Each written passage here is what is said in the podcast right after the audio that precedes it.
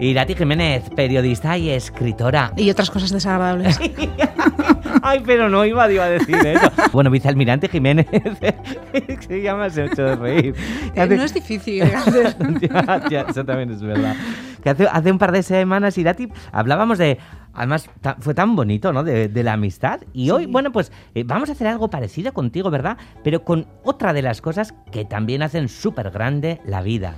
Sí, hoy vamos a hablar, no sé si de una experiencia, una cualidad, un placer sensorial, intelectual, también espiritual, con el que a veces tenemos una relación un poco dolorida, un poco tormentosa.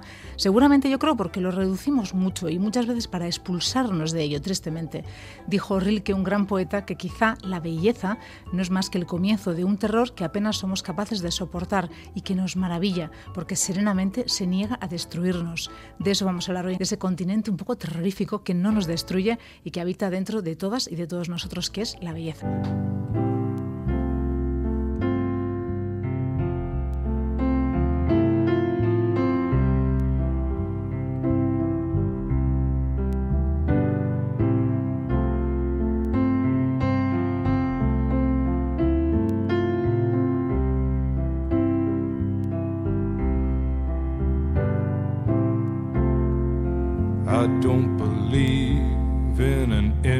mention it.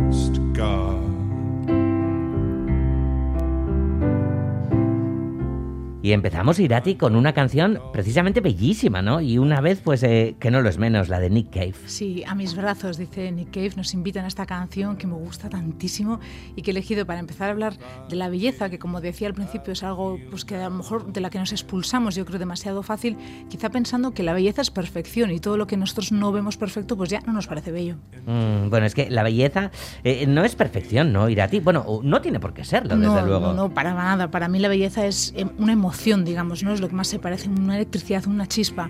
Es, en la literatura es eso, en la poesía también, pero también en la vida. Es, como dijo Gabriel Zelaya, imágenes, música, emoción, inconsciencia, lo que nos arrastra, lo que nos contagia, lo que no es bello, incluso puede ser feo, grotesco, monstruoso, impuro en mil sentidos, pero nos hace vibrar. Mm, bueno, claro, es que a, veces algo perfecto, yo qué sé, nos puede dar un poquito de chic eh, para atrás, ¿no? Sí, sí, sí, efectivamente. Hay como que perfecciones como que alejan, como que hay frialdad en ellas, ¿no? Y otras que atraen. A mí que esto me ha interesado mucho, he mirado muchas veces las perfecciones presuntamente que me atraen y sigo viendo en ello emoción. Por poner un ejemplo que es súper conocido, toda la audiencia conocerá pues una de las imágenes como más alucinantes y prototípicas de la belleza humana que existen en el arte universal, la del David de Miguel Ángel. La estatua pues representa un ideal de belleza humana en su estado, digamos, pues de perfección absoluta. Mm, que está eh, basado en el relato bíblico sobre David, el hombre que venció a Goliat. Eso es, está además el de Miguel Ángel muy basado en el relato bíblico Hace poco hablábamos de la Biblia, sus mejores partes y tal, y no mencioné, porque son muchas, una de las más espectaculares, que es precisamente la narración de David. Todo el relato, desde que Saúl se convierte en primer rey de los israelitas hasta que muere con su hijo Jonathan, pasando por todo el arco narrativo de David, que es un pastor que aparece de pronto en el reinado de Saúl y se presenta voluntario para matar al monstruoso Goliat y acaba siendo el sucesor de Saúl, es magnífico. Y la estatua de Miguel Ángel, basada en este personaje heroico, expresa muy bien las cualidades superiores de David en comparación al resto resto de sus semejantes. Es guapo, es valiente, es inteligente, es astuto, es compasivo también, que es algo muy inédito en el relato mm. bíblico. Es prudente, es leal, trata muy bien, es divino realmente. Un personaje magnífico, súper convincente además, al que Saúl pues acaba odiando en muchos momentos porque siente que este, este pastor es mejor que él, que es el rey, y al que Miguel Ángel retrata pues en toda su gloria, que reside para mí, como decía, en la emoción, porque David, si te fijas, no está tranquilo. Ya, porque eh, no está posando, además, para, para la estatua. Eso es, no está si recordamos su expresión, que es impresionante, David está concentrado, tiene el ceño está un poco fruncido, tiene un poco de ojeras, que es impresionante que Miguel Ángel consiguiera eso en el mármol. Está preocupado, está dispuesto, hay potencia, hay mucha fuerza en él, pero está preocupado, no está exento de enfado en un grado, pero sobre todo tiene miedo, hemos dicho, tiene ojeras también, ¿no? Tiene en una mano la onda con la que va a matar a Goliat y en esa mano hay mucha fuerza, mucha fuerza, ¿no? Está muy, es muy briosa esa mano. Y está desnudo, tal y como dice el relato bíblico, porque no para posar ante Miguel Ángel, digamos, sino se desnuda en la Biblia para poder estar cómodo frente a Goliat, ¿no? Se quita toda la coraza. Todo su cuerpo expresa tensión, desde los abdominales hasta la expresión de la cara, sobre todo. No hay una fuerza impresionante en él.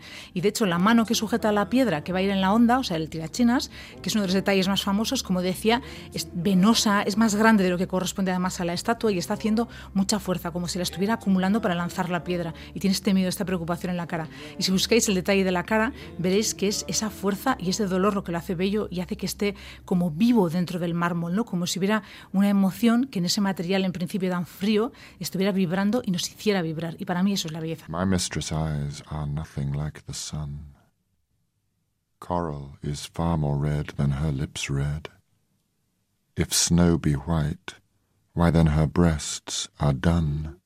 If hairs be wires, black wires grow on her head.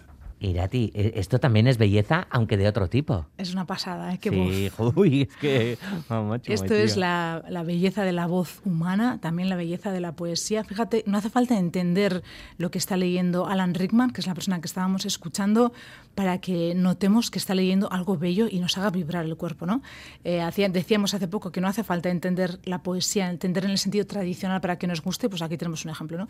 Yo creo que para que te guste esto no hace falta saber que es el soneto número 130 de Shakespeare, recitado, como decía, por ese grandísimo actor que fue Alan Rickman. Hay algo en la vibración de su voz que también nos hace vibrar a nosotros nuestras pequeñas partículas humanas, ¿no? Y quizá eso, como decía, sea la belleza. Mm, totalmente. Oye, el, el soneto, por cierto, que es muy bonito, ¿no? Uno de los más conocidos de Shakespeare, Irati. Sí, es, de hecho, además nos hace pensar en la belleza de Shakespeare, ¿no? Porque el, el soneto de Shakespeare, que se llama My Mistress Eyes Are Nothing Like the Sun, los ojos de mi amada no son como el sol o no se parecen al sol, trata pues como de lo, es un poco, es bastante, tiene sentido el humor realmente siempre Shakespeare, trata de lo inadecuadas que son las imágenes poéticas que usamos normalmente y con las que se suele comparar pues particularmente la belleza de las mujeres a las que ha cantado el canon occidental, su voz es como música, eh, sus mejillas son como el coral, su pelo como el sol, Sí. la piel como la nieve, etcétera, ¿no?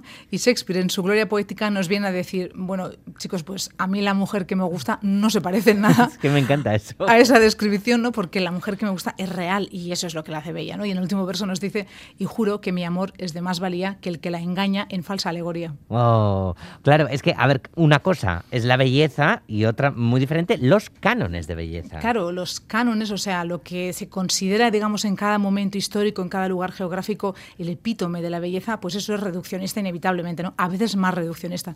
Y yo creo que uno de los mayores peligros que tienen es que pensemos, ah, pues como no entro ahí, no soy bello, ¿no? Y renunciemos a eso.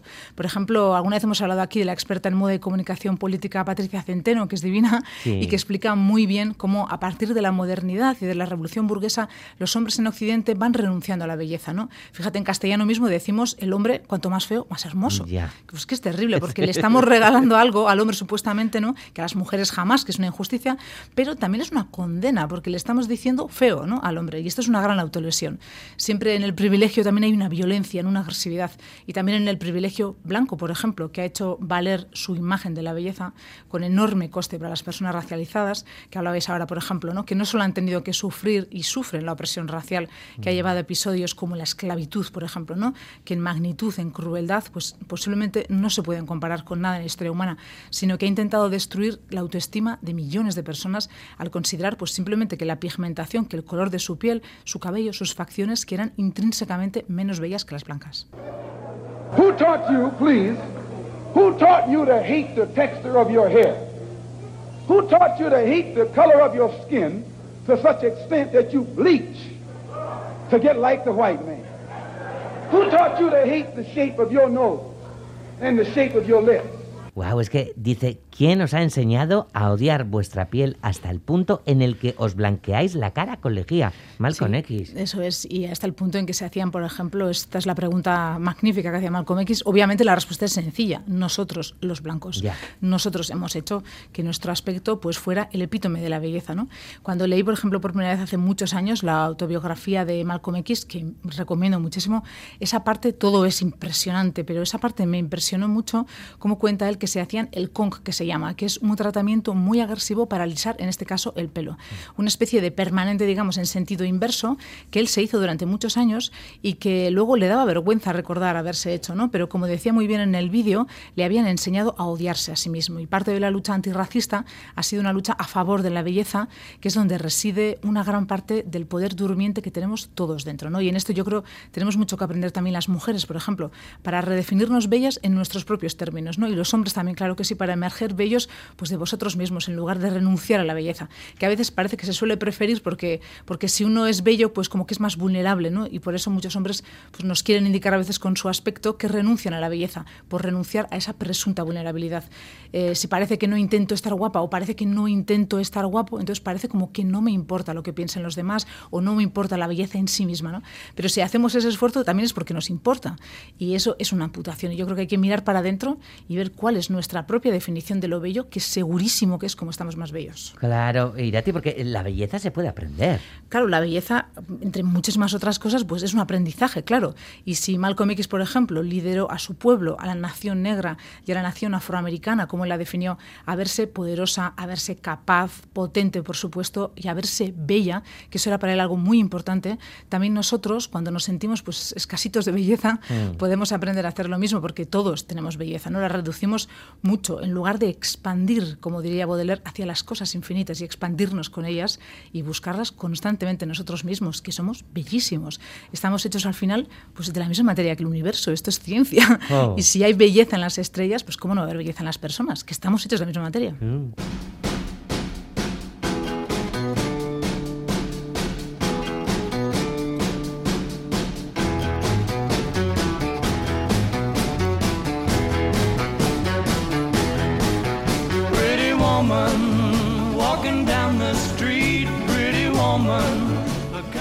Hablando de belleza, Irati, pues esta canción que viene casi inmediatamente chum así a la mente. Inmediatamente. Qué voz además tenía Roy Orbison. Oh. Es, una, es, es, impresionante esta voz, es un temazo realmente. Sí, entre belleza y ternura, ¿verdad? Sí, sí, muchísima potencia y efectivamente tiene un registro de ternura muy bonito. Que se usó pues la canción, como sabemos, pues en una, una película que le puso, al, que cogió el nombre de esta canción, Pretty Woman, por supuesto, que es pues una de las más populares, ya lo sabemos, en la historia de la comedia romántica americana. Mm. Irati, decíamos antes que en el ideal de, de belleza pues nos gusta más la emoción que la perfección y que la perfección pues a veces nos aleja. De hecho, el genio moderno, decía Víctor Hugo, tiene siempre algo de grotesco, decía él, ¿no? como una especie de falla en la perfección y no le faltaba razón. Baudelaire, que como hemos dicho muchas veces funda en gran medida la poesía moderna, dice que lo que no es un poquito deforme da la impresión de ser insensible. De ello se deriva, dice Baudelaire, que la irregularidad, aquello que no está previsto, la sorpresa, lo que extraña, son algo esencial y característica de la belleza. Rilke, a quien citábamos al comienzo, decía, justo en lo difícil debemos tener nuestras alegrías, nuestra felicidad, nuestros sueños. Allí, en la profundidad de este fondo, se destacan. Allí por primera vez vemos lo hermosos que somos. También de Rilke, que es magnífico, este extracto precioso de un poema. Deja que tu belleza se manifieste, sin hablar ni calcular.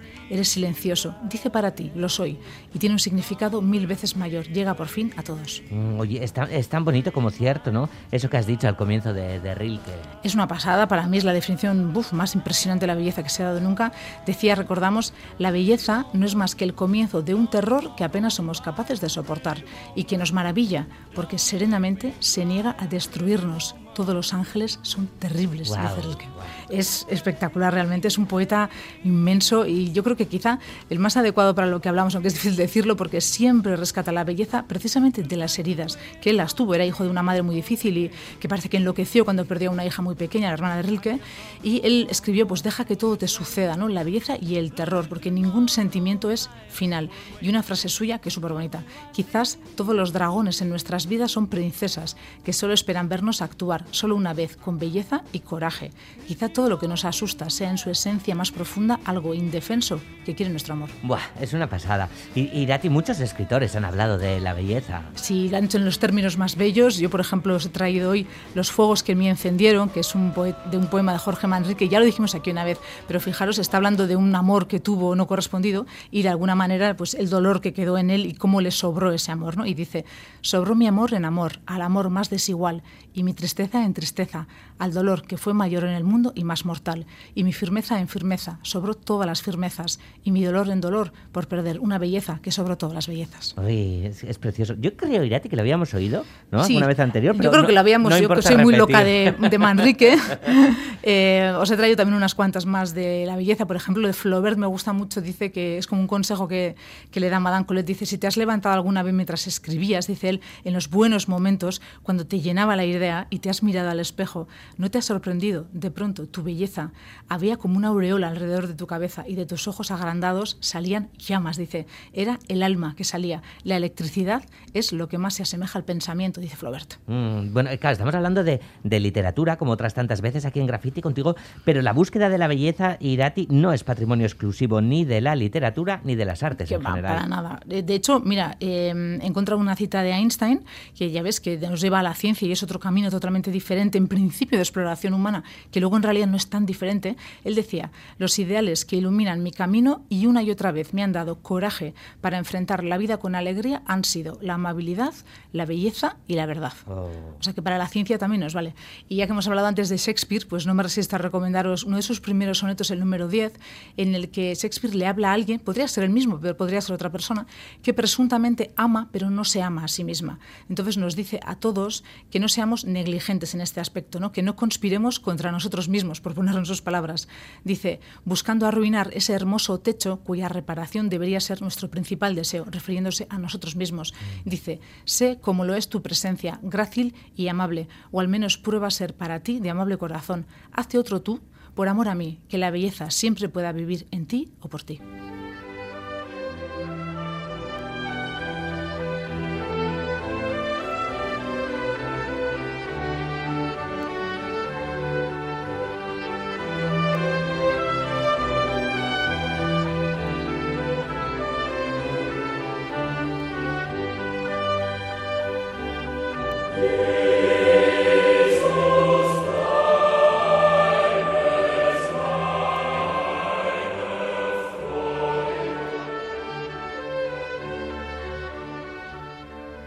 Irati, vamos a cerrar con una canción, pues que, no sé si alguna vez has traído. Yo me sonaba como que sí, pero no estaba segura y la verdad que no lo podido evitar. Esto es la cantata número 147 de Johann Sebastian Bach. Para mí es está indisolublemente unida a la belleza. Eh, decíamos que hace muchas cosas la belleza, ¿no? Que nos hace vibrar, decíamos, que nos reconcilia también un poco con la imperfección, porque lo grotesco está incluido en lo bello, que nos asombra, que nos aterra serenamente copiando a Rilke porque no nos quiere destruir, aunque parece que tendría el poder para ello, que nos lanza al universo y que también, yo creo que esto es lo que nos recuerda esta canción, que nos eleva. Para mí esto es lo que yo siento en esta cantata tan bella sin duda, elevación.